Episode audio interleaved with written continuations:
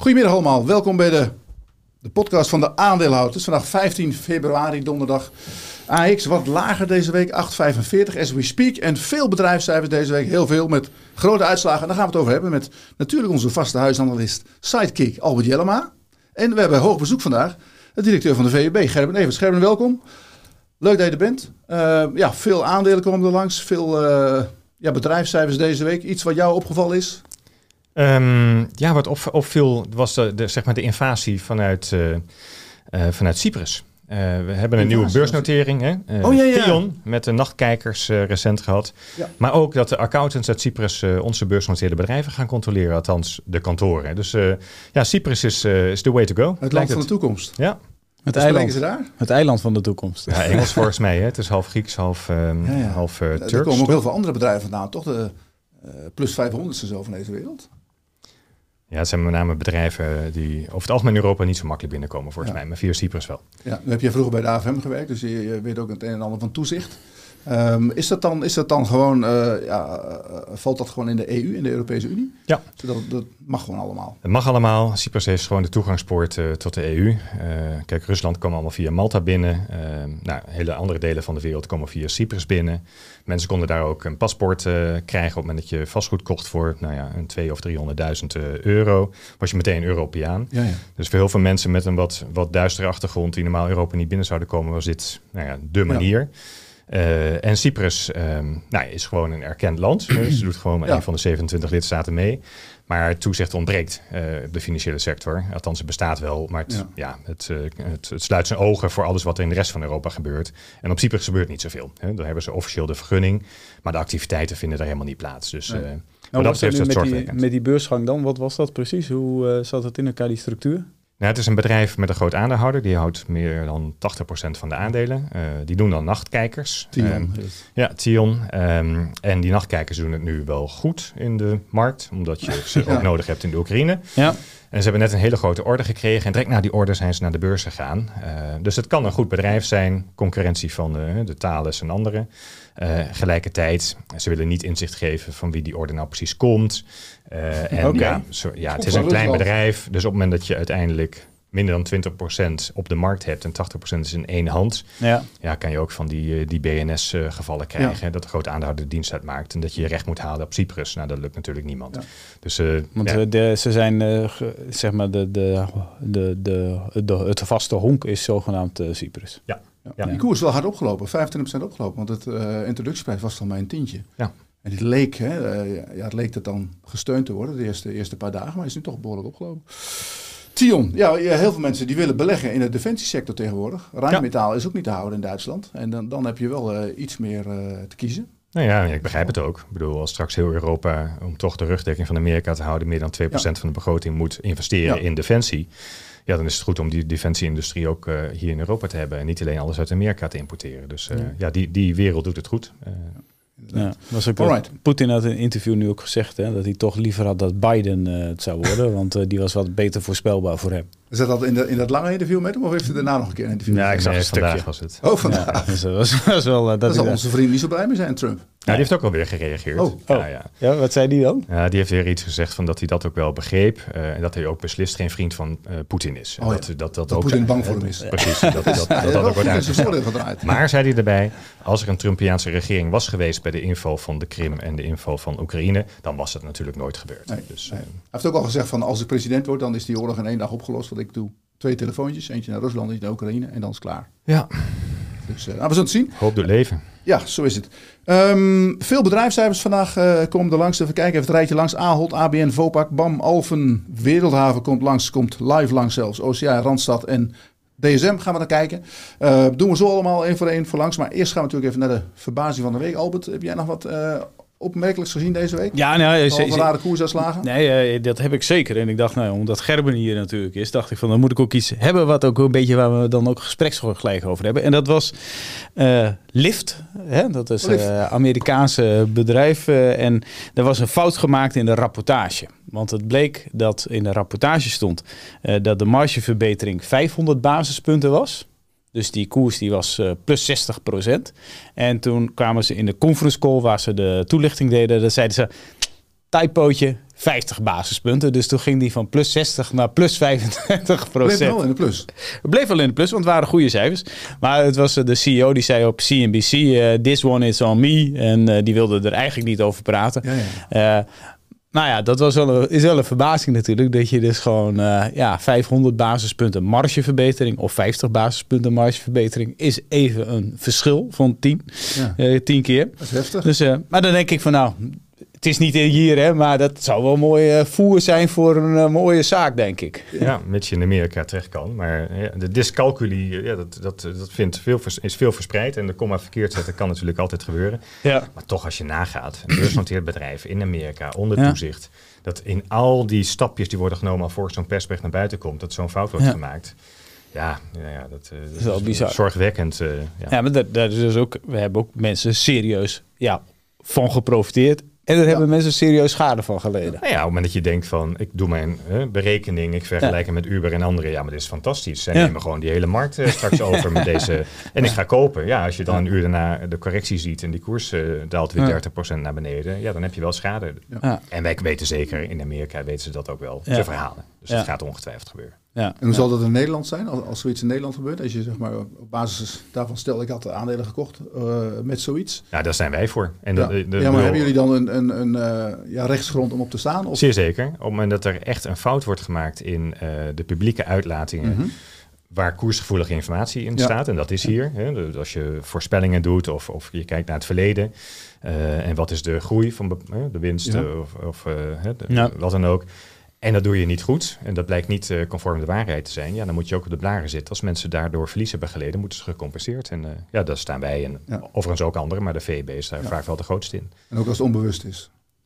Ja, maar ja. Het is altijd is onbewust, toch? Ja, ja. ja, goed, ja. Ik bedoel, je, je, doet, je, je tikt niet be bewust een Ja, nou, misschien wel. Maar in de meeste gevallen tik je niet ja. bewust verkeerde nee, getallen. En de bedrijven willen ook vaak wel van, van, uh, van dat probleem af. Dus die zeggen ook tegen de beleggers die op dat moment zijn ingestapt... en een uur daarna de koers naar beneden zien gaan. Dat ze denken, ja, daar, daar moeten we ook iets voor bedenken. Ja. Maar van de week was er zo eentje met ASML. ASML ging op de opening, die, die deed even 815. Ging 7% uh, lager. Er gingen 28.000 stukken in. Mhm. Mm -hmm. Een paar mensen hadden, die kregen ze binnen natuurlijk. Die lagen daar toevallig in. En uh, daarna ging het weer gewoon uh, richting 850, 60.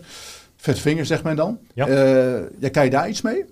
Of bij de AFM? Of nou ja, als, als er daadwerkelijk een, uh, iemand bij een vermogensbeheerder instituut... Dit is niet een particulier, hè? Mm -hmm. Niet iemand nee. die lid is van de VEB en met zijn vette vinger per ongeluk... Ja, als het particulier is, heb ik geen medelijden met hem. Nee, dat, dat, kan niet, dat kan niet wel hebben. Ja, dat kan niet leiden. Maar... Duizend stukken kan lappen of... Uh, Kijk, als jij als, jij als uh, bij, bij Goldman Sachs of weet ik veel bij een hele grote zit... en je doet dat verkeerd... en normaal, dit is wel een normaal transactiepatroon... want soms mm -hmm. doen ze gewoon een half procent ja. in een aandeel op een dag...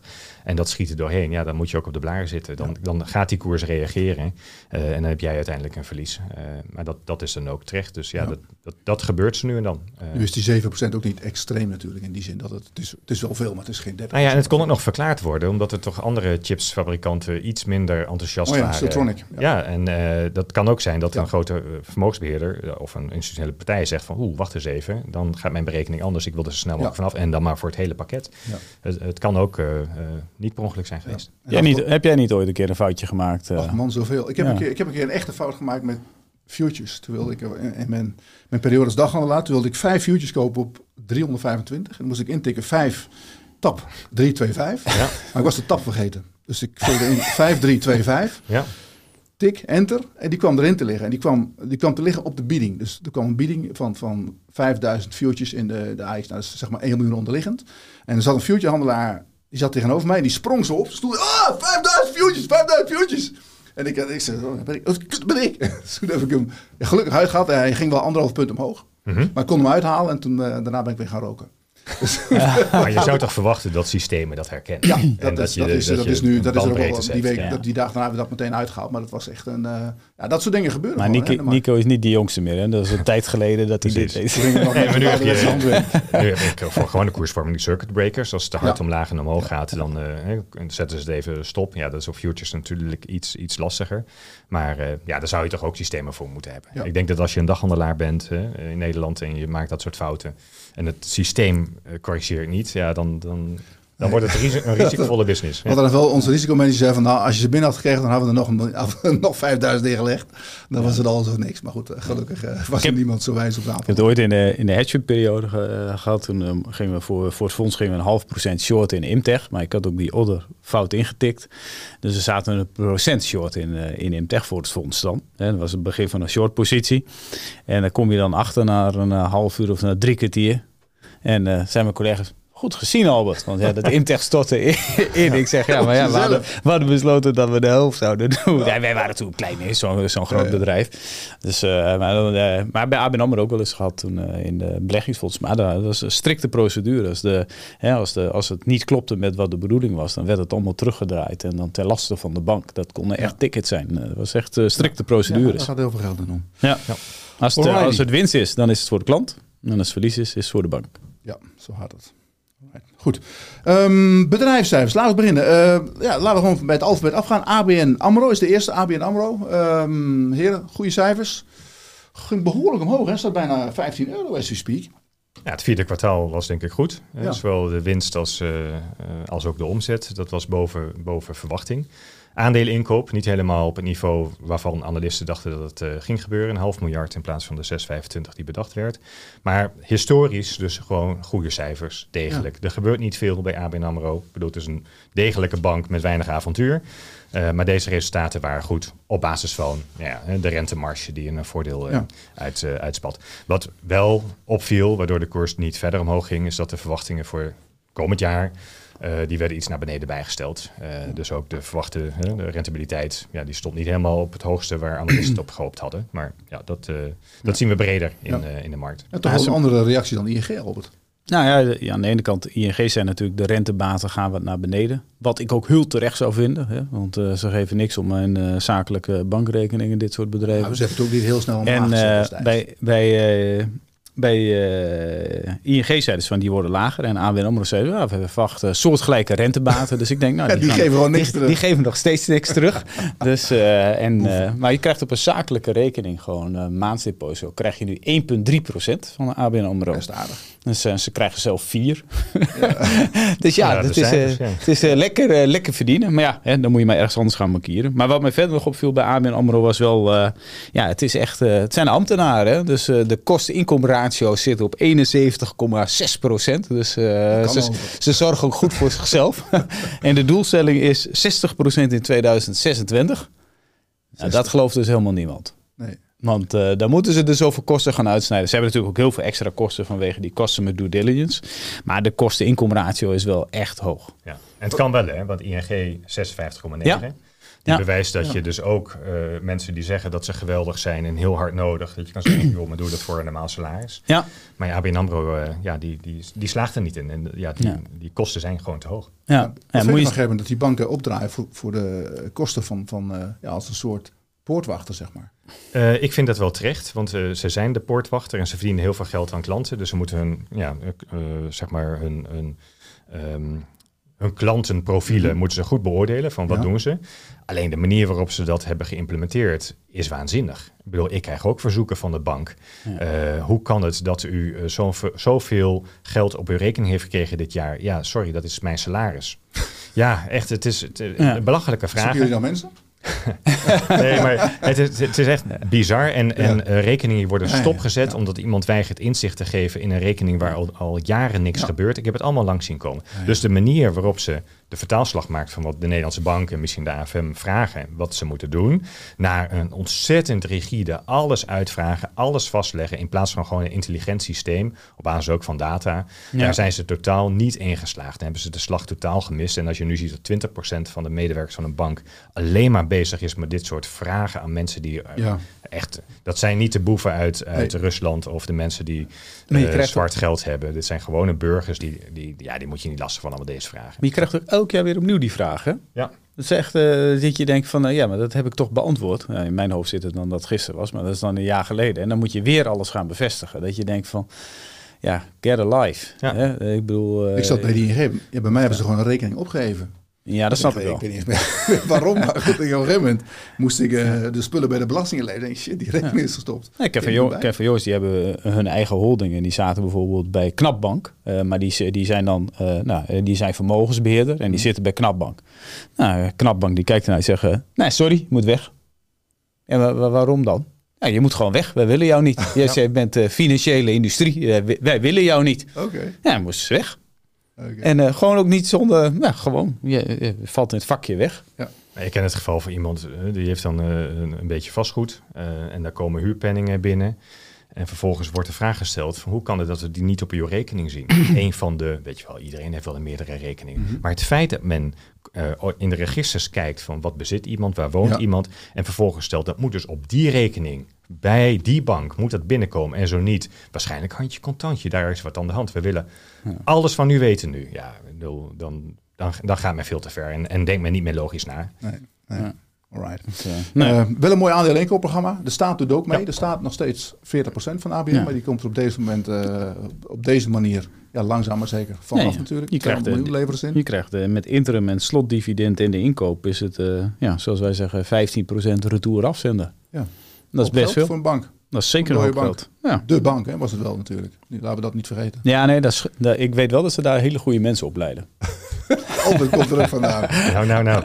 Nee, maar eh, dit hoort niet bij de overheid. En eh, Nee, tuurlijk ik heb niet. vorig jaar of twee jaar geleden ook gezegd van deze bank moet je zo snel mogelijk gewoon volledig aan de beurs eh, laten gaan. Ja. En laten we eerlijk zijn, eh, zeggen, het momentum is nu. Ik bedoel, de koersen, eh, je noemt het aan het begin, die staan hoger dan ooit. Net even een dipje, maar en die Mhm. banken doen het relatief goed. Je krijgt nooit meer geld van ABN AMRO. Hè? Beetje marge, beetje marge oordeel dan nu. Ja. Eh, dus wil je en, en je Het draait nu perfect. gooi het op de beurs en maak het een beetje publiek aandeel. Geef een beetje korting voor de, voor de particuliere aandeelhouder in Nederland die trots is op de bank. Al dan niet aan gewerkt. Nee, maar maak het, maak het gewoon weer een populair aandeel. En op dit moment kan ABN AMRO ook helemaal niks. Omdat elke partij met wie ze eventueel samen zouden Ja. gaan zeggen van ja, maar met een overheidsaandeel, Ja. hè, dat, dat, dat gaan we Nee. niet doen. Dus Nee. je zit ook gewoon klem in de onderhandeling. Wat je, je hebt ook nog die Volksbank, hè? Dat is ook nog, eh, dat is 100% van de staat, toch? Ja. Ja. nou ja, ik heb wel eens gehoord van als je dat fuseert, eh, de lammen en blinden samen, dat moet je ook niet hebben. Een beetje, beetje dis- disrespectvol. Dan Maar knippen we eruit. Bij- bij- beide banken hebben een probleem. Eh, eh, de een moest gered worden door de overheid, de ander moest gered worden door de overheid. Beide kunnen ze niet helemaal in de vaart der volkeren Europees meer mee. Ja. Ja, om dat samen te fuseren, dat, je moet gewoon accepteren dat beide banken een, een enorme kleine minderheid zijn van straks een groot bankconsortium. Wat zegt van interessant in de Nederlandse hypotheekmarkt. Of, eh, hè, of Ja, daar zal het uiteindelijk wel heen gaan. Maar dan Ja. moet, de- moet de staat moet er inderdaad uit. Wat zeggen ze in Den Haag als je dat... Als je dat eh, eh, ja, Ja, Den Haag heeft zichzelf een beetje vastgezet. Eh, meerdere ministers, eh, ik weet niet of het Wouter Bos of Jan Kees de Jager was, die hebben gezegd van dit gaat een goede investering zijn. Uiteindelijk levert het meer op dan we erin. Ja. eh, en dat was volgens mij iets van eerst 13 daarna 16 miljard. Eh, maar dat gaat natuurlijk nooit opleveren. Dus die toezegging aan de Nederlanders van dat levert meer Ja, op, ja. dat zet Den Haag klem. Eh, je moet nu gewoon accepteren dat je hier een bedrag op af, af hebt geboekt al. Eh. En het gewoon naar de beurs brengen en het verlies nemen. Eh, Geen centje pijn, dit kan de staatskas prima aan. Eh, we hebben een, een, een, eh, een, eh, een tekort. eh, Nou, ik hoorde wel dat met die, die financiën niet zo goed gesteld was. Dat hoorde ik van iemand uit Enschede. ja, ja, als je alle, alle mogelijke risico's financieel meeneemt, dan... eh, ja, er zitten wel wat dingen in waar ik me ook zorgen over maak hoor. Eh, Ik bedoel, de tegenvallers die financiën inschat voor Boxerie. hè, de 4,1 miljoen om de, eh, de eh, spaarders te compenseren en de 4 miljoen voor, of 4 miljard. Ja. Even de getallen goed hebben, de comma's goed zeggen. ja. De 4 miljard eh, eh, voor de beleggers, dat gaat er gewoon aankomen. Ik bedoel, eh, ik schat in dat die Hoge Raad uiteindelijk gehakt maakt van Ja. de redenering van, van, het, van het vorige kabinet en het kabinet daarvoor. Ja, en dat zijn gewoon sommen die wel door, door de begroting gaan, Ja. eh, waar het volgende kabinet iets mee moet. Maar dat kunnen we prima handelen, toch? Met onze schuld-to-GDP-ratio. Dat die is toch allemaal... 50% of zo. Hoeven we toch? is, niet eh, eh paniek je hebt te in- zaaien. Je hebt in de, na de financiële crisis groot profijt gehad dat je gratis geld kon lenen. Je kon Ja. klimaatfondsen vullen. En nu heb je het probleem dat je wel rente moet betalen en een stukje moet terugbetalen. Ja, Ja. Ik bedoel, eh, anders was het eh, eerder al via de staatsschuld gelopen. En nu moet het alsnog. Ja, zo simpel is het. Misschien even nog, want we hadden het over banken. Nu zijn, eh, misschien is, ik weet helemaal niet als jullie je daarmee bezig gaan, maar die certificaten laatst van, eh, die, zo, Triodos? ja, die zo lang niet verhandelbaar zijn en nu één keer in de week.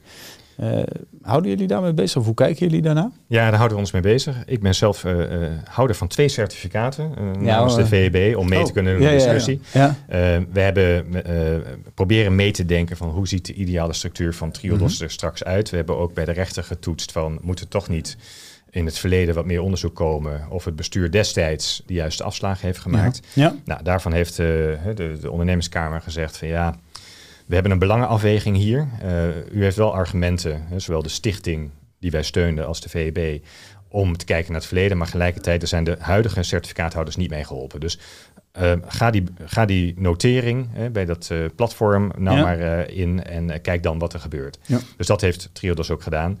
Maar ja, ze hebben dat gedaan bij een uh, platform wat heel beperkte handel heeft. Waarbij ze ook het ordeboek niet aan elkaar matcht. Maar kijkt van waar vinden de grootste hoeveelheid bied en laat transacties plaatst.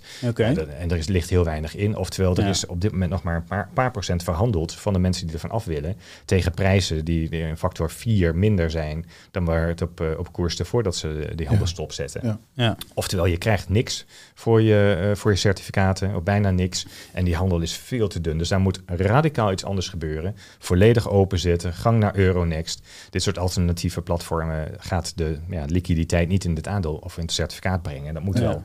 En dan zul je naar mijn idee zien dat die koers meer recht doet aan de prestaties van Triodos. Want zo slecht gaat het niet met Triodos. Nee, nee het is al een heel mooi jaar. Dus uh, ja. die, die, profiteert ook van de rente. Ik hoor, ik hoor hier een kooptip. Nee, nee, nee. Nou, ja, goed, kijk, je, je, kan, het is een beetje Hotel, Hotel California, maar je kan er niet uit. dat is het probleem. Hij, hij, wordt nu voor mij verhandeld op 23 deze week. Stond 21, 20,5. Dus het loopt wel ietsje op, maar het, het is ook lastig om erbij te komen. Je, je, je moet heel veel formulieren invullen. hele procedure door. Ja, zowel voor, voor aan- als verkoper. Ja, dan ben je een week verder. Oh, ook als je verkoopt moet je het weer doen? Ja, dan moet je ook weer aanmelden dat je potentieel wil verkopen. oh, ik dacht dat je één keer goedgekeurd moest worden. Nee, dat, dat is wel zo. Maar, maar 20 of 30 procent van de aandeel of van de certificaathouders heeft zich bij dat platform aangemeld. Ja. En de rest uh, blijft gewoon zitten in de hoop dat het vanzelf goed komt. Ja. Ja. ja ze moeten er echt iets gaan doen. Ja, dat is, het is jammer, want weet je, we willen allemaal die groene banken dat die goed presteren. En de heeft Triodos echt wel een heel, heel goed historie neergezet. En het uh, model van het gaat om meer dan winst maken is ook een model waar heel veel mensen iets voor voelen. Ja. En dat het dan op de basishygiëne van gewoon zorgt dat je kap kapitaalpositie goed is en dat je die handel netjes hebt, dat daarop misgaat, is gewoon heel jammer. Alright, we moeten door jongens, want we hebben nog een aantal andere namen. We hebben überhaupt bij de aanlader een video met een, een, een aantal bedrijven die, eh, die Albert en ik besproken hebben voor ons leden. Die kan je ook opzoeken op de website. Maar we gaan hier even snel door een aantal andere namen. Um, Aal de Lees, heel kort. Albert, uh, iets van gezien?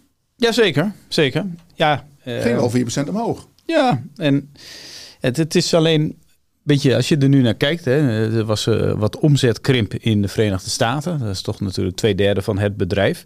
En ja, eigenlijk die, die, er wordt heel veel mooie vrije kaststroom gegenereerd. 2,4 miljard in het, uh, in het afgelopen jaar. Dit jaar moet het dan 2,3 miljard zijn. Alleen er zijn niet echt ja, nieuwe triggers te verzinnen voor het aandeel. Want ja, omzetgroei zal waarschijnlijk dit jaar ja, uh, flat zijn, tot misschien wel een klein beetje negatief. Want we hebben de hele inflatiegolf, die ligt nu achter ons. Uh, nou, dan zie je ook aan hun, hun guidance van, nou, het wordt waarschijnlijk ietsje minder in het komende jaar. Uh, dus ja, je hebt een, een, een in ieder geval, het lijkt een heel goedkoop aandeel. Hè, met een vrije kaststroomrendement van 8, 9 procent. Met een heel net dividend hè, van 1,10 euro. Uh, maar de echte trigger waarom je hè, erin zou moeten beleggen. Groei. Groei, dat is er niet. Dus ja, dan is het uh, natuurlijk wat de gek ervoor geeft. En ja, eigenlijk, ja, het is heel flauw om te zeggen. Maar we komen weer op het standaard grapje terecht. Uh, E-hold. E-hold. en ja, dat blijft het een beetje. Omdat de, de, de triggers om het aandeel nu... Ja, natuurlijk, het kan 10% oplopen. Maar heel veel meer zul je ook niet zo snel zien in mijn ogen. Gerben, hebben jullie positie in alle aandelen in Nederland? Ja. Als, uh, als de VEB? Ja. Jullie hebben ook een effectenportefeuille, toch? Ik bedoel, een groot effect. Of is het uh, die hebben we ook. gewoon een paar uh, aandelen? Maar die hebben we heel verstandig in ETF's belegd. Oh, okay. Zodat we niet een exposure hebben, zeg maar, ja. met, met het vermogen wat we hebben op bepaalde fondsen. dat, ja, dat kan ons, ja, onze onafhankelijkheid negatief raken. Dus het, we hebben het verspreid over allerlei ETF's. Je ziet gewoon alles long. In alles zitten we extreem long en lage kosten. Dat is ook uh, niet, niet onbelangrijk. Ja, ja, ja. dat is wel mooi. Dat, uh, maar we zitten, we zitten, en we hebben van elk, uh, aande, of van elk fonds ook wel individuele aandelen om op de oh. aanhoudsvergadering gewoon toegang te krijgen. Ja. wat voor ons natuurlijk heel belangrijk is. maar dat, dat gaat niet om duizenden. Dat gaat om een paar per. Jullie beheren zelf die effectenportefeuille? Of ligt dat bij een, een vermogensbeheerder? Of? Nee, dat doen we zelf. Ja. Is het dan, heb je dan de, eh, je wekelijkse vergadering of zo? Of, eh, als ik te veel vragen moet zeggen. Nee hoor, mag je allemaal vragen. Eh, nee, dat is, dat is op jaarlijkse basis ongeveer. Oké. Dus ik heb twee adjuncts en een van hen is heel erg begaan met ook hoe we, hoe we beleggen. Errol ja. Keiner. En dan komt hij op het moment dat we toch wat geld over hebben. En soms dan moet het even het spaargeld teruggestort, want operationele kosten. En soms dan gaat het andersom. Zeg, ja, weet je, ik, misschien moeten we even toch iets meer weer beleggen is dit het momentum of moeten we even wachten? Nou ja, dan, dan gaan we heel snel schakelen. Maar dat is, dat is niet vaker dan één keer per jaar. Nee. En gaan jullie naar alle jaarvergaderingen van, van het bedrijf? Ja, we volgen ze allemaal. Uh, dus meer dan 100 uh, eh, op jaarbasis. En het seizoen gaat nu weer beginnen. Uh, en daar zijn we echt heel, heel actief en fanatiek in. dus we volgen ze, we gaan er naartoe. We engagen waar, waar we dat kunnen. Um, ja, want ja, alle deelnemers, leden van, van de VEB, dat zijn parttime aandeelhouders, die kunnen zelf niet altijd naar die vergaderingen toe. En dat doen wij dan echt namens die grote groep. Ja. En ook met goede voorbereiding, goede analyses. Ja. ja. ook wat jullie doen, doen wij ook. Ehm, goed kijken van goh, welke vragen willen we stellen. En ja. het bestuur van die bedrijven en de commissarissen scherp houden. Ja. Het is wel jammer dat Hunter Douglas van de beurs is. dan kun je ja, mooi uitje Aruba, toch? Aruba. Ja, Curaçao. Ik ben de, de, laatste vergadering ben ik nog wel geweest. Serieus? Ja, okay. Ze hadden nog nooit iemand op de vergadering gehad. Maar nu meneer Sonnenberg dacht voor, de, voor een hele lage prijs van de beurs te oh, kunnen halen. En daarna doorverkocht aan 3G, hm. vonden we dat we toch wat vragen moesten stellen. En men schrok zich eh, echt een, een Lazarus dat er opeens een aandeelhouder kwam. Dus ik werd in een, een, kamertje gezet met gaten in de muur. En dat was natuurlijk allemaal een fake show van, de, van wat mensen die daar nou ja, voor dit soort bedrijven uh, dit soort vergaderingen runden. Eh, maar goed, ik heb de vragen kunnen stellen. Uh, en ja, dus er schijnt onderzoek uh, te zijn geweest, of lopend te zijn, naar hoe die constructie precies heeft plaatsgevonden. Maar ja, ja. dan staan wij even buiten. En daar, ja. daar krijg ik ook Hij bood toch eerst 64 euro of zo. En uiteindelijk ging het echt 175. Ja, met wat tegenvallende resultaten die hij naar buiten bracht. En daarna ging het jaar toch weer heel erg goed. Ehm, ja. en je kon je niet aan de indruk onttrekken, maar ook niet meer dan dat, dat er wel bekend was dat er interesse van private equity was. En dat hij nog snel even die paar procent ja. Uh, uh, ja. privé wilde krijgen van wat op, op, op, dat moment nog genoteerd was. Dat is ongelooflijk. Om dat ritje ook nog te maken. Ja, sommige mensen die, uh, nooit die nemen nooit genoeg. Nee. Maar betekent dat ook dat we dan misschien een reisje kunnen boeken naar Bermuda binnenkort? Nou ja, we hebben nog niet. De, de, ja, dat, dat, dat, dat, geldt voor Egon. Uh, VNB juicht toe dat bedrijven naar Duitsland gaan. Flow Traders zat er al. Oh, die zat er al. Ja. En um, nee, maar um, uh, daar gaan we niet naartoe. Ik denk dat, dat, de commissarissen ook niet naartoe gaan. Wij kunnen dus dat eventueel waarnemen voor jullie. Als ja. ja, ik als je, als je iemand moet afsturen, uitsturen. Ik ga gewoon ontdekken waar die commissarissen bij elkaar komen. Oh, achter de, de cam. En dan ga ik gewoon bij zitten. Dat lijkt mij een veel betere vraag. Er bestaat nog steeds een kans. En dat zou, zullen wij, uh, zouden wij waarderen. Dat Egon dat gewoon nog in Nederland uh, de vergadering houdt. Dat mag. Bermudiaans recht laat alles toe. Dus ook wij de vergadering, wij de vergadering houdt. Dat is wel goed allemaal. ja, dat is dus- nooit anders. En dat, dat hopen we. Want Bermuda. ze zeggen ook in terecht, de dynamiek tussen aandeelhouders en bestuur en commissaris is belangrijk. Ja. Nou ja, dan, dan kan je dat beter ergens in Europa organiseren dan op een... Laat Friese lijkt me ook niet een man die zich verstopt voor zulke soort dingen. Nee, en ik bedoel, wij zijn best kritisch geweest op de keuze voor Bermuda. Uh, ook omdat hè, soms moet je je recht kunnen halen als er iets misgaat mm bij een bedrijf. En dat kan je op Bermuda niet. In Nederland wel. Hè, eh, de, de is hier echt veel beter uh, gewaarborgd. Gelijkertijd, er zitten meer concurrenten van hen, conculega's, ook daar. Dus het is ook niet helemaal raar dat ze naartoe gaan. als je ook de Amerikaanse markt wil ja, ingaan. Nee, klopt. Er zit ja, veel, heel veel Het is eigenlijk een Amerikaans bedrijf. Ja, nou ja, dat zie je. Dus, uh, ja. ja. Wij vinden het jammer, dus, want we hopen dat zoveel mogelijk Nederlandse bedrijven ook Nederlands blijven. Ja. Maar goed, dat, uh, dat doen we nu bij ASR. En uh, dan laten we Egon maar een beetje gaan. Zo knap, hè? Dat we van Ahold eindigen op Bermuda. Ja, wel, we gaan de hele wereld over. Echt, we zijn globalisten. globalisten. We gaan door naar BAM, jongens. Nou. De BAM vanochtend 20% erbij, Albert. 20%, BAM. Ja. Je zegt, beleg nooit in bouwers, maar je had ze gewoon moeten hebben gisteren. Ja, dat klopt. Okay. Ook hier weer? Ja, nee, dat uh, begint een beetje misschien wel een, uh, een, een, soort voorzichtig trendje te worden. Dat uh, ja, small midcaps natuurlijk relatief gezien heel slecht gedaan. En ja, die aandelenkoersen dus ja, geen performance laten zien. En nou, nu krijg je BAM met een eh, adjusted EBITDA marge. Hè. Je moet altijd wel afvragen wat, er dan, wat er allemaal adjusted is weer dit keer. Uh, maar dat even de cynische blik. Ehm, en voor het jaar 4,9 procent. Ja, dus ze zouden ook veel meer cash dan gedacht. Hè, rond de 800 miljoen. Maar ja, bouwers werken altijd met negatief werkkapitaal. Dus die hebben allemaal geld wat nog niet van hun is eigenlijk. Hè. Ze moeten de werkzaamheden nog doen. Um, en dan de grote verrassing waar denk ik de koers echt op is gaan spuiten. Dat is de, de share buyback. Ondanks dat die klein is. Uh, als je het las, dan kreeg je ook het idee dat het misschien wel een soort recurring element kon gaan worden. En dat is denk ik waar het in zat.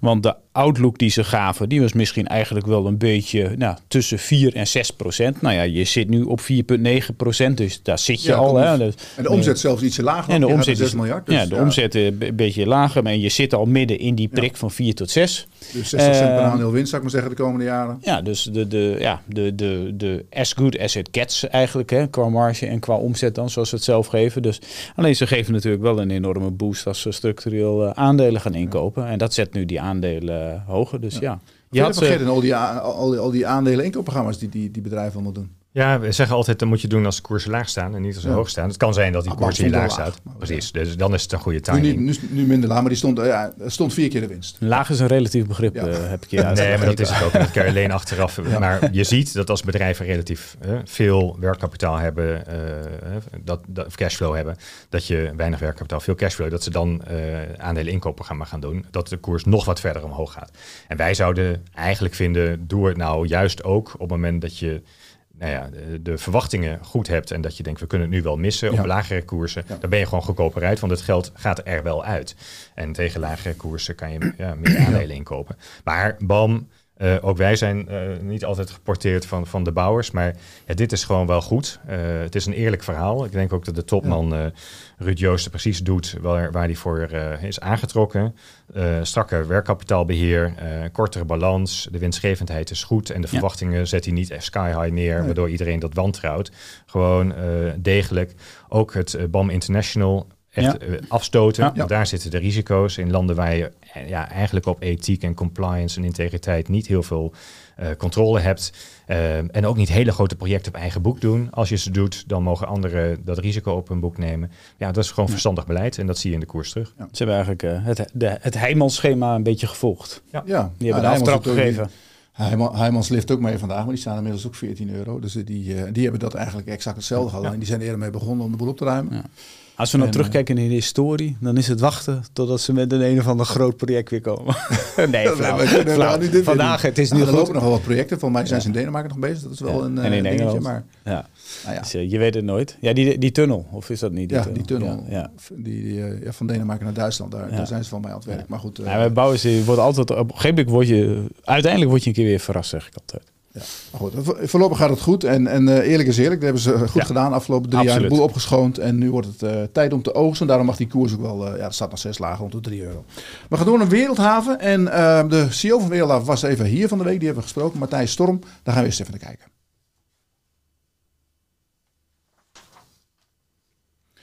Nou, dat was Matthijs Storm. Um, ja, wat, wat, eigenlijk opvalt bij Wereldhaven is dat ze, uh, ze hebben tien jaar lang de, de Activa afgewaardeerd. En nu voor het eerst weer wat opgewaardeerd, met name de, de Nederlandse winkelcentra.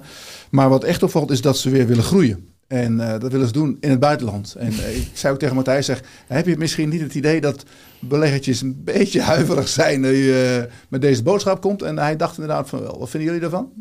Ja, ik vond het dat er een goed, goede boodschap werd neergelegd.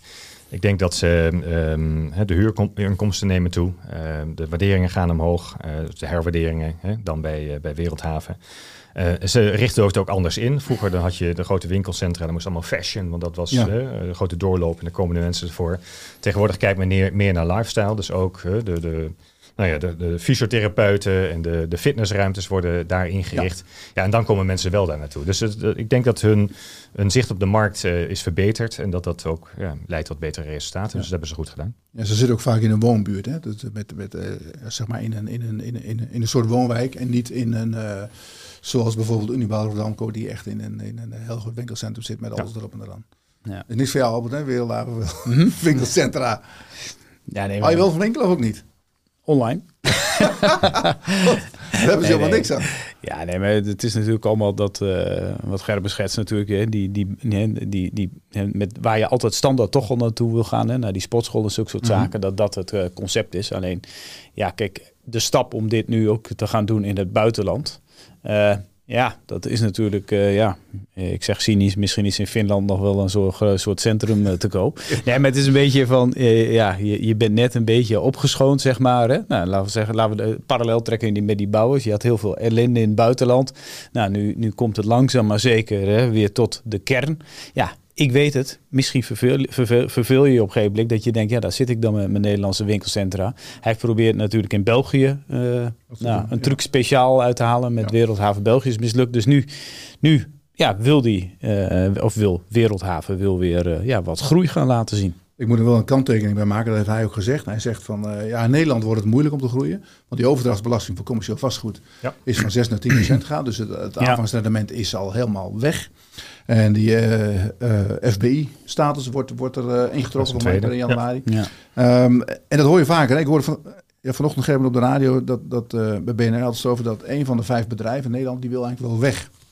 En we hebben natuurlijk Unilever en Shell zien vertrekken. Hoe kijk jij daarnaar? En heb je daar contact over met de politiek in Den Haag? Dat is toch een beetje onvriendelijke houding, zou ik maar zeggen, ten opzichte van bedrijfsleven en ja, beleggen überhaupt, uh, denk ik. Nou, ik begrijp het wel. Ik bedoel, de hele samenleving polariseert. Ik bedoel, dat zie je in de politiek, maar ook in het bedrijfsleven.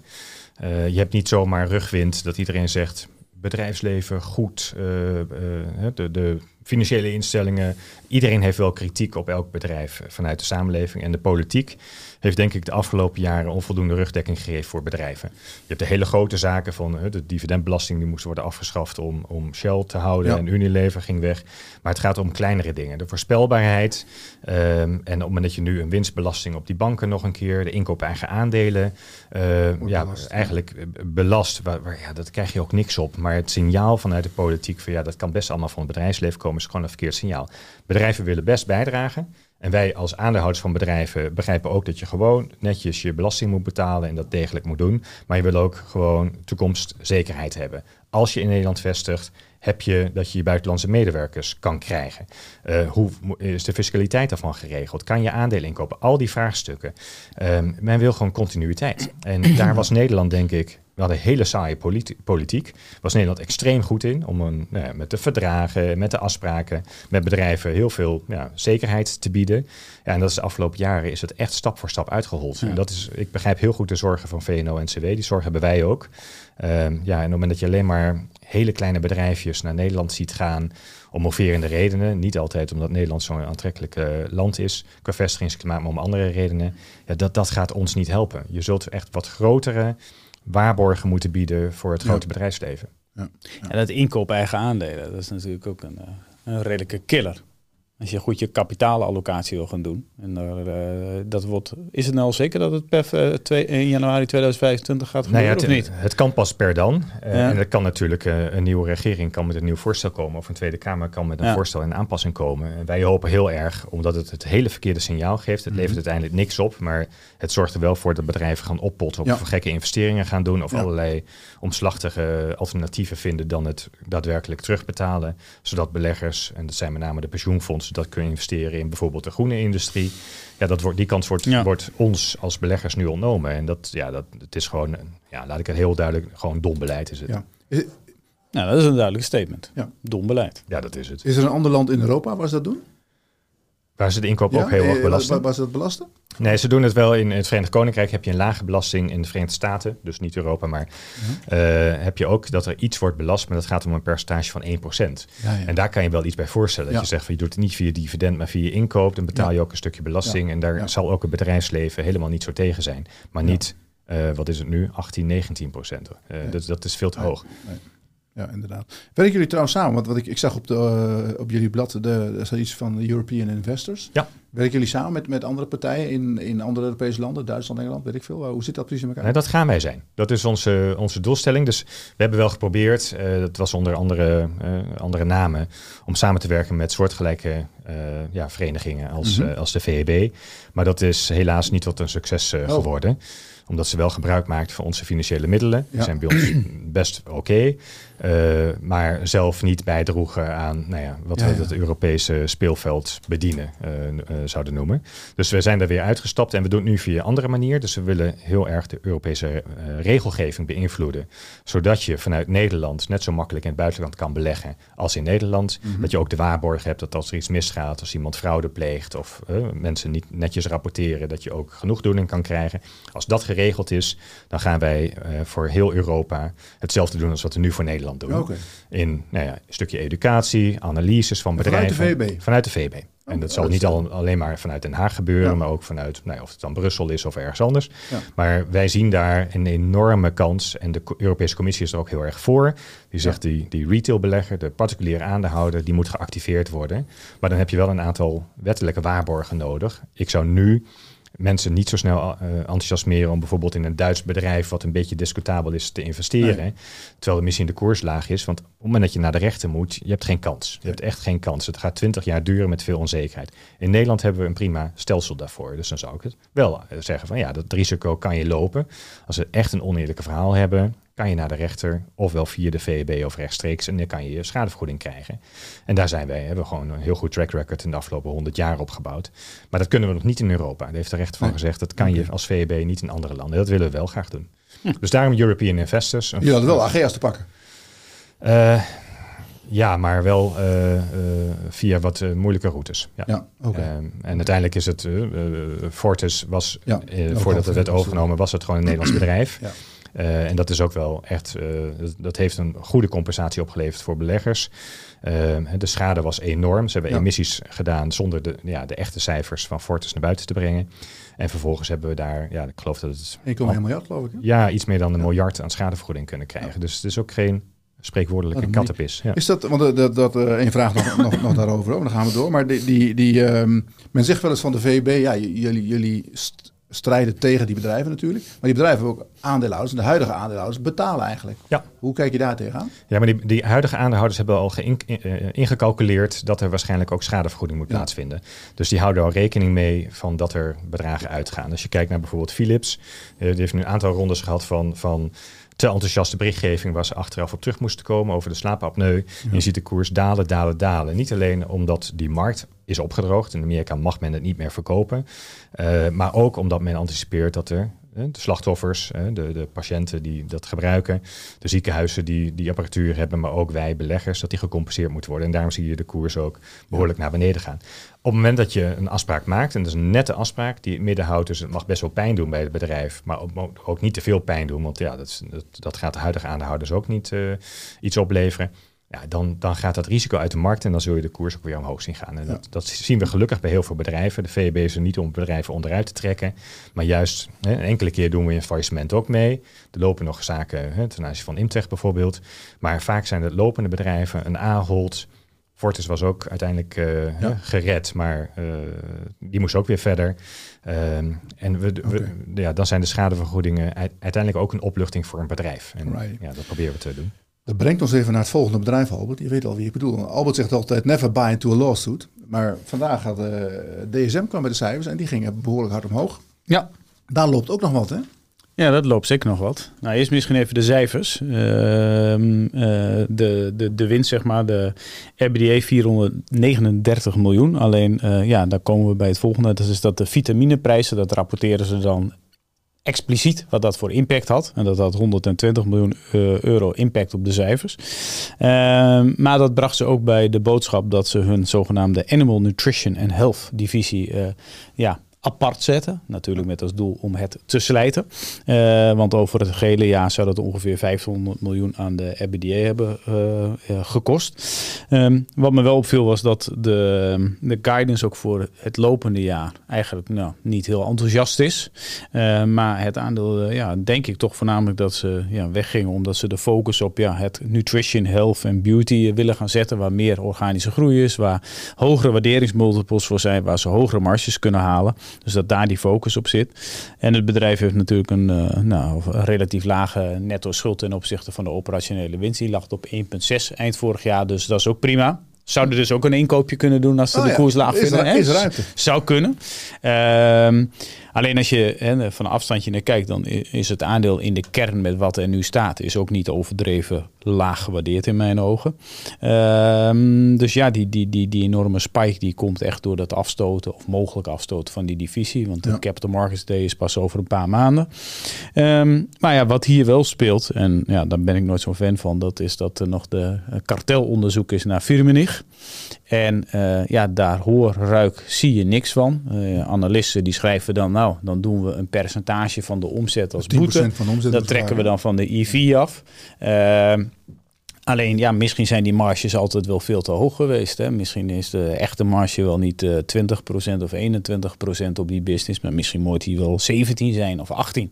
Ja. ja. dan is eigenlijk ook die hele fusie en die multiples is allemaal op eigenlijk ver verkeerde maatstaven is dat allemaal gedaan.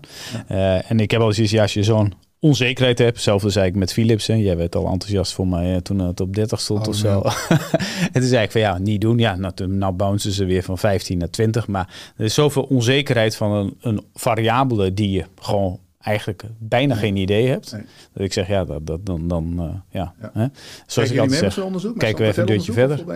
Ja, daar kijken we wel mee, maar er is weinig te zien. Zoals ja. Albert al zegt, uh, geen geur, geen smaak. Nee. Dus, uh, ja, dat is een goede in deze. Dat, dat, ja, dat, we, we, kijken natuurlijk op DSM en eerlijk gezegd, we hebben groot respect voor de transitie die DSM heeft mm -hmm. ingezet. Een van de weinige bedrijven van bulkchemie, ja. fijnchemie, die enzymen naar nu geur- en smaakstoffen. En toen ze net met Firmenich samen gingen, toen zagen we de, het kartelonderzoek. Denken van een beetje Holland gevoel, uh, oranje gevoel hebben wij ook. Dat we denken, ah shit, hoe kon je nou deze deal maken met dat Zwitserse bedrijf? Maar als je het ziet waar DSM in zat, en de diervoerder is een van die uh, aspecten, dat loopt voor geen meter, omdat die prijzen worden gedumpt in China ja. en ja. levert niks meer op. Dus uiteindelijk weet ik niet welk bedrijf beter af was met uh, de, de, samenvoeging. Ik denk dat we nu al moeten concluderen dat DSM het anders heel erg lastig had gekregen.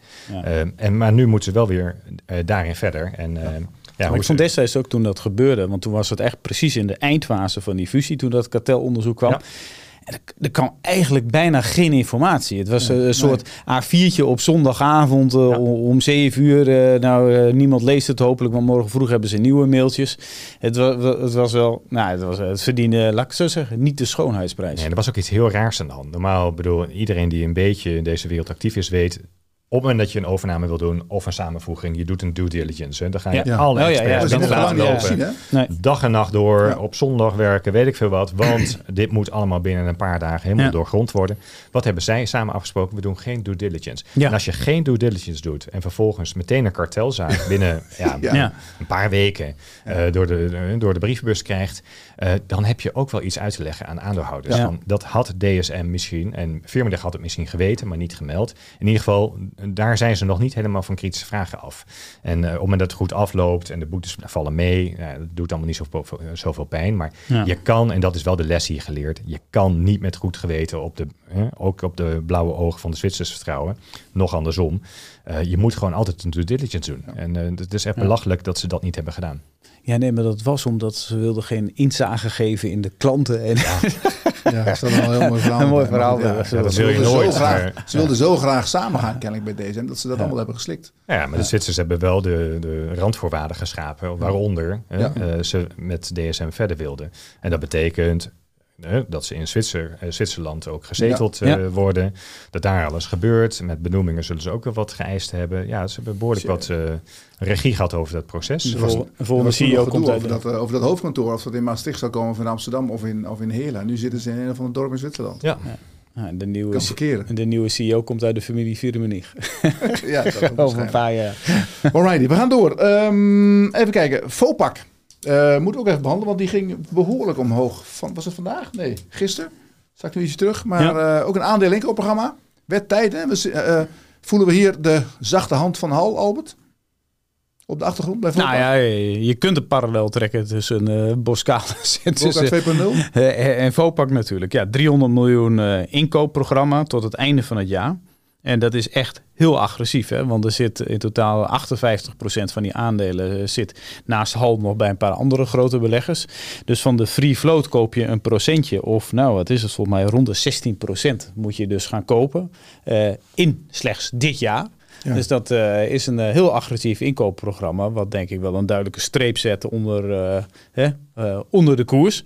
En misschien komt het ook wel vanwege nieuwe wet en regelgeving op 1 januari. denk even, even gas erop geven, want ja, nu mag het allemaal nog.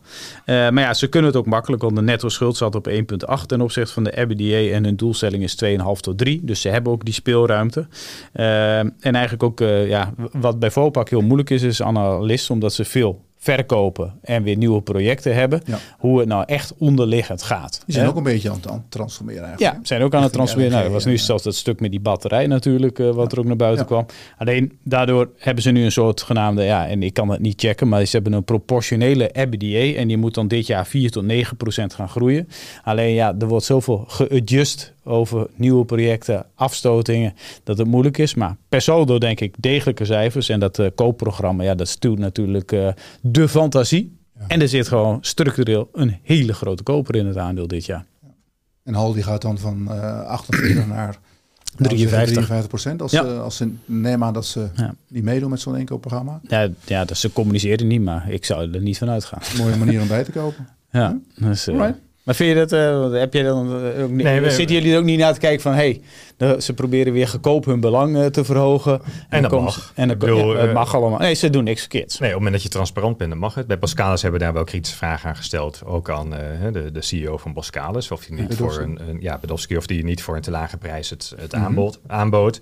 En ook aan de, de voorzitter van de, van de Raad van Commissarissen. Um, maar daar krijgen we heel, op de aanhoudsvergadering heel weinig antwoorden op. En je ziet ja. dat Boskalis nu in, ja, uh, floreert. Dat floreert, ja, want ik bedoel, die markt, hè, uh, ja, De, de, de, de, wind en de offshore, dat, dat, dat, gaat gewoon heel hard. En dat is nog maar het begin van die hele energietransitie. En daar zijn ze gewoon heel belangrijk in. En de jongetjes en meisjes, hè, uh, heren en dames van Hal zijn beslist niet dom. En die hebben ook het afgelopen ja, decennia een enorm goed track record in een, ja, in, uh, in een waardering uh, te pakken. Ja. En om dat nu ook naar de komende jaren te doen, zullen ze echt wel heel actief moeten kijken van welke bedrijven moeten we in eigen eigendom nemen volledig. Mm -hmm. Welke bedrijven moeten we ju juist misschien delen verkopen. Ja, en daar hebben ze een goed track record. Alleen ja, nu moeten ze het ook naar de toekomst doen. Dus dat zullen ja. ze wat agressiever doen. Dat zien we wel. En, ja, uh, ja soms zijn geld, we... Ze hebben veel geld, toch? Van mij ja, ja, ze, ja, ze, hebben veel geld. En, en eigenlijk, want dat was een keer sommetje wat ik had gemaakt. Als je gewoon die, uh, kijk, de, uh, Vopak wil eigenlijk worden gezien als infrastructuurplay. Ja. Dus ja, uh, niet beursgenoteerde Vopakken, om het zo maar te zeggen. Die zitten op een net debt uh, EBITDA van 4. Dus je kunt zelfs hier een soort, nou, zeg maar, leverage buy-out doen. Dat je uh, helemaal niet heel veel extra equity erin hoeft te stoppen om het hele bedrijf van de beurs te trekken. Alleen nu gaan ze natuurlijk zelf inkopen. Nou, dan ga je ook omhoog. Alleen ja, als je dan nog steeds op 2,5 zit, dan kun je misschien nog wel anderhalf bijlenen. Dan kun je natuurlijk met schuldfinanciering. En nou, beter bed is natuurlijk een ja. soort uh, klein voorbeeldje. Maar ik bedoel, dan hoeft er heel weinig equity bij. Maar dan bezit je in één keer 100 procent. Ja. Dus uh, er is hier best wel veel mogelijk, omdat je denk ik nog veel meer schuld in te jassen valt. Ja, als ze iets eerder moeten doen met rente nul, dan was het helemaal fantastisch nou ja, Als je er nu naar kijkt en ja, jij zegt bij Hal zitten hele slimme, slimme mensen, dan denk ik van goh, op 18, 19 euro was het, was je, had je voor 25 het misschien wel vanaf kunnen ja, trekken. Maar had je, dan, had je dan gekregen tegen zo'n prijs? dat weet je ook nooit. Ja, de Boscales hebben ze ook niet echt uh, zwaar betaald. Hè? Nog een eurotje erbovenop aan het eind. Ja, nog een, ja. dat was ook alles ja, wat met ze nog... pijn en moeite, maar ze deden het wel. Dat noemen ze de bekende Sweetener. Ja. ja. zo is het. Ja. Alrighty, dan gaan we naar de energietransitie. Je ziet toch wel veel bedrijven, bijvoorbeeld Vopak. Hè, die zijn ook met waterstof bezig, met de ja. batterij. Nou, we hebben de OCI zullen we niet behandelen, daar hebben we geen tijd meer voor. Maar ook die kijken naar waterstof. Uh, ik las een interview met jou ergens, dat ging ook over de energietransitie. Dat, uh, je was een van de eerste Tesla-rijders in Nederland, vertelde je me net. Uh, dan moet Alfen een bedrijf zijn waar jij wel wat gevoel bij hebt, denk ik. Ja, nou ja, Alfen heeft een hele lange historie, maar de afgelopen jaren zijn ze heel interessant. Ja. Uh, vanuit hun, uh, welke diensten ze verlenen. Dus zowel de laadpalen, maar ook de microgrids en de batterijopslag. Ja. Uh, en met name de laatste doet het gewoon heel goed. Dus waar, waar, als je echt kijkt van hoe gaat de energietransitie plaatsvinden. Natuurlijk is dat zon. Dat is wind, dat is geothermie en het is opslag. En waterstof mm -hmm. kan, al, die, al die elementen kunnen waterstof maken. Maar dat moet je wel kunnen opslaan en ook de energie moet je kunnen opslaan. En ja, daar heeft Alphen een fantastisch uh, uh, ja, deel van hun bedrijf, dat is ongeveer een derde. Wat dus inderdaad in die opslag van batterijopslag uh, investeert met hele goede rendementen. En dat groeit het hardste. Het groeit hard. Laadpalen doen het even minder. Ja. Op een of andere manier is de vraag wat, wat ja, afgenomen. Um, ja, en, en die microgrids, ja, dat is iets wat continu gaat. Maar dan zijn de, de rendementen weer iets lager dan bij de opslag. Dus nee, het is een bedrijf wat de afgelopen weken behoorlijk naar beneden is gegaan, wat jammer is. Ehm, daarvoor was het altijd een soort pet project voor mij. Dat ik zei van zie, Oh ja? groen is Ja, ja. interessant Het om in ging te beleggen. want ja, het Het ging heel naar hard de beurs op een tientje met heel veel pijn en moeite. Dat lukte bijna niet. Ja, En eh, we hebben gezien 120, 130. ja, en nu weer wat Eh, terug. Maar hetzelfde geldt voor een Ørsted, hè, die, die Ja. windmolens Ja. maakt. Eh, ja, dat, dat was ook een bedrijf waar je in die tijd in moest zitten. Ja, daarna zie je dat de wind toch even iets minder aantrekkelijk wordt. Maar als je echt op lange termijn kijkt, zijn dit wel de bedrijven die bijdragen aan die energietransitie. Dus ik zou het altijd blijvend in een, in een portefeuille opnemen. Ja. We hebben hier nog, we hebben nog eh, eh, als het goed is, komt de CEO van SIF Groep hier eh, binnenkort. Mhm. Dus dan, eh, want die hebben het ook Ja, lastig ook natuurlijk, omdat heel veel van die projecten die zijn eh, uitgesteld, afgeblazen. Nu gaan alle subsidies weer omhoog, dus nu komen weer de nieuwe rondjes. En die bouwen een mega grote fabriek natuurlijk eh, op de Maasvlakte. En waar horen we dat? Dat in Engeland die tarieven nu omhoog gaan? Dat de Engelse regering dat die bij wil storten? Dat die, eh, 67% hogere tarieven. Dat vertelde Simon geloof ik. Hè? Dat, dat eh Orsted die heeft natuurlijk een aantal dingen afgeblazen. Maar Ja. de regering hebben nu ook wel door dat als ze echt door willen zetten, dan, dan eh zoeken de ene In de, UK hebben, in de UK hebben, zijn, ze, zijn ze zeg maar al begonnen met eh, hogere tarieven. Ja. Maar dat is ook de oplossing. hè. Je Ja. hebt enerzijds heb je dat ETS in Europa. Dus als je een fossiel doorgaat en emissierechten moet kopen, dan betaal je straks in 2040 echt hele hoge prijs daarvoor. Wat nou ja, maakt het als je dat duurzaam doet, dat, dat je aantrekkelijk bent vanuit concurrentieoogpunt. Maar je ziet ook in, in Europa dat als je energie, elektriciteit op het net plaatst, dat het per lidstaat nogal verschilt wat je daarvoor krijgt. Ja. En daar heb je, als je nou ja, met wind, solar, eh, geothermie investeert, heb je zekerheid over nodig. Het liefst voor 50 jaar, soms kan dat maar voor 10 jaar. Maar ja, als, als Duitsland twee, eh, tweevoudige biedt eh, in vergelijking met het Verenigd Koninkrijk, ja, dat is ook concurrentie tussen landen. Waar krijg je het snelst de vergroeningen er doorheen? Ja. En ja, dat, dat, dat, dat gaat toch met een, prijs, een prijsstelling op goed niveau. Alright. Nou, we gaan het zien. Over, ja. er werd, werd ook goed op gereageerd. Ging eerst wat omlaag, maar uiteindelijk eh, goed omhoog. En, Ja, eh, je colletjes deden het weer goed, Nico. colleges deden het goed. Ja, maar ik zat er altijd bij natuurlijk. Eh eh heeft helemaal gelijk. Het is een bedrijf wat, wat tuurlijk ging er even door een dip door die laadpalen. Maar uiteindelijk, al- alles wordt elektrisch. Elon Musk heeft het zelf gezegd. Ja. Alles wordt elektrisch. Dus klopt Ja. het. En zij Maar- doen alleen maar elektrisch. Nee, maar eh, je ziet een overdreven verwachting. En dat, dat is natuurlijk waar wij ook op letten. Je kan eh, zeggen van fossiel is niks waard. En alles wat eh, helemaal ESG-proof is, dat, dat, ja, dat sky is the limit. Maar dat is natuurlijk onzin. Ja. Elk bedrijf moet presteren. Dus ik denk dat de verwachtingen ten aanzien van Alfa ook in het verleden iets te hoog gespannen waren. Iedereen wilde het in zijn portefeuille, want het deed het goed. En, je- en dat moet je wel waarmaken. En dat kan soms niet. Want je hebt de mensen niet, je hebt de markt even niet. Of, of de, de, de, nou ja, de, de, de inkoop stokt even. kan van alles gebeuren. Dus maar op lange termijn zijn dit wel bedrijven die blijven. was nog een tijd al, heb jij wel verteld van mij bij ABN, dat, ergens dat iemand zei van, eh, dat buitenlanders naar de, die Nederlandse banken belden. Zei, ik moet een ESG-aandeel hebben. Wat hebben jullie? Ja. En die werd gewoon blind gekocht, want de ESG-mandjes moesten worden gevuld. Ja, nee, maar dat, dat, dus zo is het een tijd geweest dat er gewoon was een schaarste aan eh, beleggingsmogelijkheden in die hoek. En eh, dat werd gewoon blind gekocht. Dat, Dat, is nu ook weer voorbij. ja, nou, er, is ook, er is ook wat meer aanbod gekomen inmiddels. terecht. Ja. Nou, mooi. Ehm, die, die, die bonus van Elon Musk, daar was je het niet helemaal mee eens, geloof ik. Hè? Die, Nou ja, de rechter was het niet mee eens. 55 En ik begreep het wel. Ja. ja, Ik bedoel, als je broers, zus, neef, nicht in de non-executive rol plaatst, die uiteindelijk moeten, heel streng moeten beoordelen of jij ook een bonus moet krijgen wanneer je nou, in dat geval extreem goede resultaten neerzet. Dus ah, dat, dat doen we. En niemand had verwacht dat hij het zou realiseren. En hij heeft het gedaan. En 56 miljard, Ja. dat is ook, ja, als je dat als bonus krijgt, ja, dan, dan probeer je dat natuurlijk ook wel eh, bij de, hè, juridisch als goed, je eh, goed te breien. moet betalen, wel helemaal gek. Doe Ja. ik graag. 50 procent. Ja. Ik, ik betaal het 60. graag. Ja? Maar hij heeft nog genoeg over. Dus ik heb ook al gezegd, Ja, ja, joh, ja. hij hoeft de krantenwijk niet in. Nee. Eh, hij kan het ook zonder. Maar eerlijk gezegd, als jij zoveel aandelen hebt en je bent hè, de, de founding father van, van in dit geval het bedrijf Tesla en nog veel bedrijven daarnaast, waarom zou je nog überhaupt een salaris willen als jij de topman bent? Waarom zou je nog een bonus willen? Ik bedoel, de incentives zijn zo aligned, meer krijgen ze niet. Ja. Dus hier was die bonus ook totaal niet nodig. En, eh, als hij dat wel had geëist, dan had je een ander issue gehad in de bespreking binnen het bestuur. Van waarom moet jij daar nog door gemotiveerd worden? Dat, ja. Oké. Prima. Nou, ehm, even kijken, een klein beetje tijd. OCI nog even. OCI, Albert. Ja, dat, Deal. eh, gaan, gaan ze nou de boel verkopen of niet? Is dat een beetje het verhaal? Nou ja, dat was een beetje cryptisch omschreven natuurlijk in het, eh, in het persbericht. Dat er, eh, ja, dat de activiteiten die overblijven, dat daar, ja, dat er nogal, dat er Incoming interest of inbound interest? In, of zo? inbound interest of zoiets noemen ze dat. Dus schijnbaar is daar voldoende interesse. En nou, we hebben in ons waarderingsmodelletje natuurlijk gezegd... Nou, de overgebleven activiteiten die waarderen we op zes keer EBITDA. Nou ja, dan krijg je met de hele grote pot geld die er zit... na aftrek van schulden zit je op 21. Nou, dan komt er ongeveer 15 bij. Zou je op uh, ronde 36 moeten zitten. Maar ja, er zit natuurlijk een discount in. Omdat, nou, laat ik zo zeggen, governance-wise en hoe dat allemaal gaat, dat niet iedereen dat dan zomaar gaat betalen. Maar ja, er wordt nu de suggestie gewekt dat misschien die zes keer RBDA voor die activiteiten. Ja.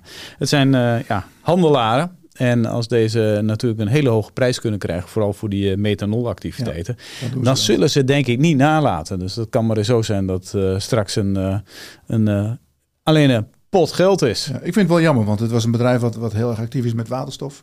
Ook in de scheepvaart. is wel, wel ja, nu nog steeds. Maar het kan verkocht worden. Ook in de kunstmest, ook in de stikstof. Dus ja, ja, ja, Ze doen alles in, in, in, in bulk. Ja. Nee, maar ook de, de topman heeft ook gezegd dat uh, er kwam een brief van de activistische belegger van uh, gaan alles liquideren. Ja. Die zei van ja, dat, die, die brief die is ook wel ja, rationeel. Dat is ook wel. En eerlijk gezegd, wij zeggen ook, eigenlijk zou je uh, één keer in de zoveel tijd altijd binnen onderneming op de agenda van de, van de bestuur moeten hebben van jongens, gaan we verder of stoppen we ermee? Uh, verkopen we het, kan niemand anders het beter. Eigenlijk is dat heel eerlijk. Ja. Uh, en dat doet OCI nu. En het kan heel goed zijn dat ze, ze hebben nu grote dingen verkocht. Ja, dat is uiteindelijk in een liquidatiescenario. Ja. Maar dan wel rationeel en voor de hoogste prijs. Dat zoveel beleggers ook helemaal niet verkeerd zijn. Hij heeft zelf heel veel aandelen, dus deze man die gaat ook alleen verkopen als het echt een goede prijs is. hij, zei, hij zei, nou, dit, het geld maakt niet zoveel uit, maar als er een een betere eigenaar was voor een van zijn bedrijven, dan, ja. dan gunde hij die de bedrijf, zeg maar. Ja, ik denk, toch, ik denk toch dat dat geld ook wel een rol speelt. dat denk ik wel. Hoe gaat het dan als een, uh, want het is natuurlijk nog wel een dingetje. Uh, ja, dat geld moet worden uitgekeerd aan de, aan de, de aandeelhouders. Is het dan belastingvrij of, of moet, daar nog, moet je daar langs de, de, de ja, fiscus? Dat, is heel weinig bekend nog uh, over die 3 miljard die je minimaal uh, aan gaat komen. Maar ja, dat zal natuurlijk, uh, ja, in dit, dit geval, ja, laten we zeggen, laten we hopen dat er een creatief met kurkoplossing is, zodat we gewoon dat geld netto in het handje krijgen. Ja, ja dat is wat je wil. Maar hoe ze dat gaan doen, dat weet ik ook niet. Nee. Nou, Geen we gaan het zien. we zijn er door, heren. Is het een beetje meegevolgd, Herben? Ja, maar ik, ik mis gewoon die vraag over voetbal. Want ik werd door mijn collega's een beetje gebriefd oh. van... je weet waar je naartoe gaat, ja. maar je zult kleur moeten bekennen. We schatten jou in op ADO Den Haag. Hm, ja, had gekund. ik rij altijd heel hard met mijn Tesla weer uit Den Haag. Dus Oké, eh, dat is het niet. Maar je bent een Groninger, toch? Niet de, de, ik ben een Groninger, ja. Misschien even leuk om te vertellen, want ja, jullie hebben een gezamenlijke historie, een gezamenlijke hobby althans. Zeer zeker, uit een, uit een verder verleden, toen we nog sportiever waren... Uh, nou, dat is, dat is geen, geen uh, kat op. Jullie nee, we deden in het noorden goed netjes uh, mee met ja, tennis voor kleine mensen, tafeltennis. Ja. En uh, niet onverdienstelijk. Dus ehm, ja, de, de bekertjes heb ik nog staan van een noordelijke kampioenschappen en dat soort werk. Dus, Hoe ver ben je gekomen? Hoe hoog heb jij uiteindelijk gespeeld? Nee, ik heb uiteindelijk voor de jeugd op het hoogste niveau en ook, ook met goede resultaten. Ja. Dus het was toen de vraag van, word je landskampioen en ga je door in de eredivisie? Of zeg je op je zestiende, weet je, dit is niet mijn omgeving. Ik ga bier drinken en studeren straks. En ik, ik, ik heb een bedje ook daarna. Die me Totdat mijn vrouw elke avond nu zegt van... Mag ik weer? Mag ik weer? Ja?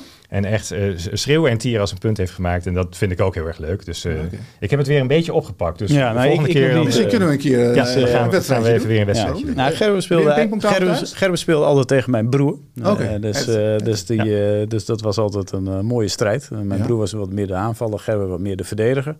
Dus dat, ik wist het gelijk nog toen, toen ik zag dat je bij de VEB kwam. Van, ik zei, hey, dit is oude tafeltenniskoning. En ah, dus, dus dat is mooi. En, ja. We hebben heel wat toernooien schema's uh, hebben we in de war gestuurd. Want dat allebei waren we heel vast, zoals het heet. Dus we hadden heel veel uurtjes geoefend om nooit een oh, fout te maken. Ja, en dat ging echt, sommige potjes, sommige ja, uh, series, die gingen 20, 30 ballen heen en weer. En dan had iemand een foutje gemaakt en dan volgende punt. En dat ging tot 21. Dus dat, dat was soms echt uren.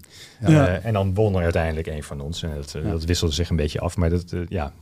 oh, leuk. Maar nu even club bekennen. Je voetbalclub. Ja, komt Ajax. Ja. Toch Ajax? Ja, ja toch wel. Ja, ja. Oh. Als je eenmaal in dat Bernabeu bent geweest en die ene goal... Was je daarbij bij die wedstrijd? Die ene goal hebt gezien en die vier andere, dan, dan, dan, dan, is iets in je DNA Van Lasse denk ik. Bedoel, je, of niet? Bedoel je die goal ah, van Lasse uh, nee, uh, dat, was de laatste. Ja. ja. Maar die, die, die eerste en de tweede goal. Ik, ik, zat in het vak bij, bij de uh, supporters van Real. Okay. Ik was incognito. Ja. Ik had de sjaaltjes mee door de. Weet je het ook niet als een Spanjaard? Nee, dat, het viel wel op. Maar ik kon het echt, na die, na die, die tweede goal, ik kon het niet meer inhouden. Het is echt Ja. zo fantastisch. Dus Ja. nee, ik, eh, vanavond weer. eh, dus naar Beuden. Ja. Ja. Ehm, kijk, je? we kijken wat het eh, wordt. Ja, ik ga er naartoe. Ja, Oké. nou, ik ook. Kunnen we samen rijden. ik. Zo het. Tesla. En, en, eh, maar de afgelopen jaar bij Ajax, ja, ik wil niet al te veel zout in de wonden strooien, want eh, ik moet Albert ook een beetje sparen af en toe. Maar gaat niet heel goed nu met Ajax. Het is een iets minder jaar. Helaas. Ja. Je mag, gerust zeggen, je, mag gerust, je mag gerust zeggen, het gaat dramatisch. Maar dat is hetzelfde als met aandelen. Hè, op een gegeven moment keert de trend. Ja, Afgelopen weekend niet. maar eh, laat ik zo zeggen, die, die week voor was tegen PSV natuurlijk. Toen dacht je, goh, die Sutalo kan toch wel een beetje verdedigen. Nou, dat heeft hij één week volgehouden. Dat was Mhm. een beetje jammer. Dus maar eh, misschien eh, hebben we nog wel een geheim wapen. Want ik lees allemaal dingetjes over eh, Kaplan. Dat is dan ook een centrale verdediger die anderhalf jaar geblesseerd is geweest. En die schijnt wel een hele goede indruk te maken. Dus eh kan maar zo zijn dat hij een keer gaat spelen. Ja. Maar Henderson, is dat een miskoop nu naar Heerenveen Nee, ik denk dat? Henderson verstandig is. eh mits hij andere spelers laat floreren. Hij, Mhm. moet, hij moet er nog een beetje inkomen Ja. en zo. Dat begrijp ik ook. Hij heeft lang eh, buiten, buiten het veld gestaan. Maar ja, dat is wel iemand met een enorme historie. En die moet die spelers beter maken. Als hij dat doet, dan is hij zijn 5 miljoen aan salaris plus is hij waard. Als hij dat niet doet, dan, ja, dan zitten ze ook niet heel lang aan hem vast in. In Tegenstelling Ja, tot al die dat Mislint waar. aankopen. Die allemaal vijf jaar Ja. 3, 4 miljoen verdienen voor dit niveau. En ik durf het te zeggen, ook van deze podcast, op, op enkele momenten, en dan niet de hele wedstrijd, maar wel een helft, weet ik dat ik zelf beter voetbal dan de Soeterloos en de, de Sosa's. Echt, die omgekeerd gaan staan als de bal Ja, ja, ja. wordt voor. Echt, het is, het is, het is dramatisch. dat, daar, heb, Ja. daar, daar, echt, eh, daar irriteer ik mij altijd het meest aan. Maar gelukkig doet hij nu niet meer mee. Oh, die, die- ja, ja, ja. ja. Ja. We hebben nog wel een vraag, eh, Gerben. Want, want eh, ja, Ajax is een beursgenoteerd bedrijf. Zeker. Jullie, jullie hebben dus aandelen. Maar heb je daar, eh, hebben jullie daar iets mee gedaan? Of hebben jullie gezegd van, nou, die Michelin dat, dat kan niet? Of, eh, Nee, ja, want wij, je kan- je eh, kan kijk, over zeggen. voetbal, voetbal heb ik geen verstand. Ik bedoel, over, over, over tafeltennis, dan mag Nee, maar ik bedoel, bedoel Nee. als, als, als aandeelhouder van Ajax. Nee, we hebben, we, we hebben dit gezien afgelopen zomer. En we hebben ons eh, achter de oren gevreven wat er gebeurt hier. Al die aankopen van ja, het tweede niveau. Wat dan, en enkeling kan er best heel goed uitkomen. En respect voor spelers van die leeftijd. Ik bedoel, die kunnen er ook niks aan doen. Eh, maar Michelin dat, eh, ja, is wat ons betreft gewoon een oplichter geweest. Eh, en die heeft ook, er zijn allerlei vraagtekens of hij er zelf aan verdiend heeft. Dat Ja. hij de bepaalde zaakwaarnemers naar voren heeft geschoven. Met wie hij ook een gezamenlijk nou ja, contracten had. Dat wordt onderzocht. Ja. En in beginsel heeft Ajax het een beetje, nou ja, hè, dan doen we door KPMG en nog een uh, auto de tilde tussen om, of ja, wat was het, ja, om het, dan hoeft het ook niet allemaal publiek te maken. Ja. En wij hebben gezegd, ja, cut the crap. Je moet gewoon een volledig onderzoek doen. Je moet al die transfers bekijken, maar ook de rol van bestuur en commissarissen. Ja. En ook afgelopen week hè, was eh, de oud-voorzitter van de Raad van Commissarissen op BNR. eh, om zijn hè, zaakje even hè, netjes schoon te vegen. Prima, dat mag. En hij heeft ook best een goed verhaal. Eh, maar dan wordt er ook gezegd van ja, maar iedereen denkt dat Michelin dat dat in zijn eentje kon doen. Natuurlijk niet. En de CFO heeft gezegd, er waren altijd 14 à 15 mensen betrokken bij elke transfer. Ja, ja. En dan wil ik graag in het onderzoek lezen straks, waarom hebben die 15 mensen allemaal Ja. spelers van tweede garnituur voor de hoofdprijs?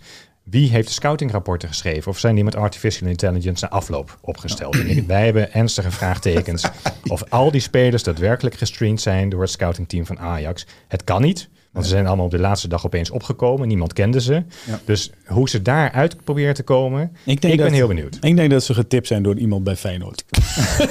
Ja, wij, wij, Dat kan. En dat heeft toch wij zagen het ook gebeuren. tot goede resultaten Even aankijken hoe het gaat. En, eh, nee, maar het is wel te Misschien moet je die hebben. Ik vind het wel jammer voor Ajax, want het is als Ajax Lul toch 18 niet, staat. man. Ja, dat is natuurlijk niet echt. Dat is wel leuk. Nee, maar ook Europees. moeten wel ik weer bedoel, bij komen. We juichen altijd voor rood-wit. Hè? Eh, ook al komt het uit een andere stad. Nee, maar eh, Europees wil je gewoon Nederlands goed voetbal zien. En daar was Ajax natuurlijk eh, altijd degene die de kaart toch wat trok. En, ja, en dit jaar moet je in de Conference League zien te komen. Ja, dat, dat, dat is Ja. echt... We proberen het. We Mickey Mouse. toe. Ja. Mickey Mouse. Maar ik vind het wel. Ik, vind Het wel, ik het heb er respect voor dat jullie wel heen gaan. Ik zou die Conference League is ook echt. eh, Nee, jij bent zo'n supporter die afhaakt als het tegen zit. Zeg veel over je. ja, maar dat weet je altijd. Terwijl ik altijd dacht dat die Feyenoorders wel tegen een beetje pijn konden. Ja. We hebben heel veel pijn gehad. Ja. we moesten 18 jaar lang Maar, wachten dan, op een maar, dan ga- maar dan gaat hij niet. Ik bedoel, eh, Oh, Oké, oké. nee, we kijken lekker thuis op bankie. Niks aan de hand. Onder een degentje. Laatst zei ik tegen van, wil je mijn kaartje van Ajax hebben? Ik denk, als je nu ja zegt, zeg je, die krijg je niet. Maar toen zei, zei hij nee. maar misschien om door te verkopen, maar niet. eh, Nee, maar die eerste wedstrijd dat ze weer met 6-0 winnen en zo. Die moet toch een keer weer komen. Dus komt- misschien dat komt ook zeker. Misschien Ja. vanavond. ik dacht laatst tegen die amateurclub, maar dat lukte niet. Nee, dat, uh, dat was ook een uitwedstrijd. Hè? Ja, ja, dus, uh, dat altijd lastig uit. Nou ja, maakt niet uit. Uh, Gerben, hartstikke leuk dat je er was. Ja, zeker. Ik nodig je van harte uit nog een keer weer te komen, want je weet overal van. Albert, bedankt voor je bijdrage. Veel plezier op wintersport. Je gaat even skiën. Ja, en, Gerben ook. Gerben ook. Ja. ook skiën? Oostenrijk? Ook Oostenrijk. Oostenrijk? Ja. Kijk eens aan. We kunnen samen alles doen. Ja, het is Ajax en Oostenrijk. Ja. Um, mensen thuis, bedankt voor het kijken. Wil je nog meer weten over bepaalde aandelen? Albert en ik hebben van de week een uitgebreide video opgenomen met, met analyses van Albert. Wat was het? Ahold, ABN geloof ik. Bam, nee, Alphen, OCI en uh, nog een paar. Kan je op onze site vinden. En verder... Uh, Bedankt voor het kijken allemaal. En volgende week zijn we er weer. Dan met Jordi. En dan gaan we het over Nvidia en Bezi hebben. Die komen volgende week met de kwartaalcijfers. Tot ziens.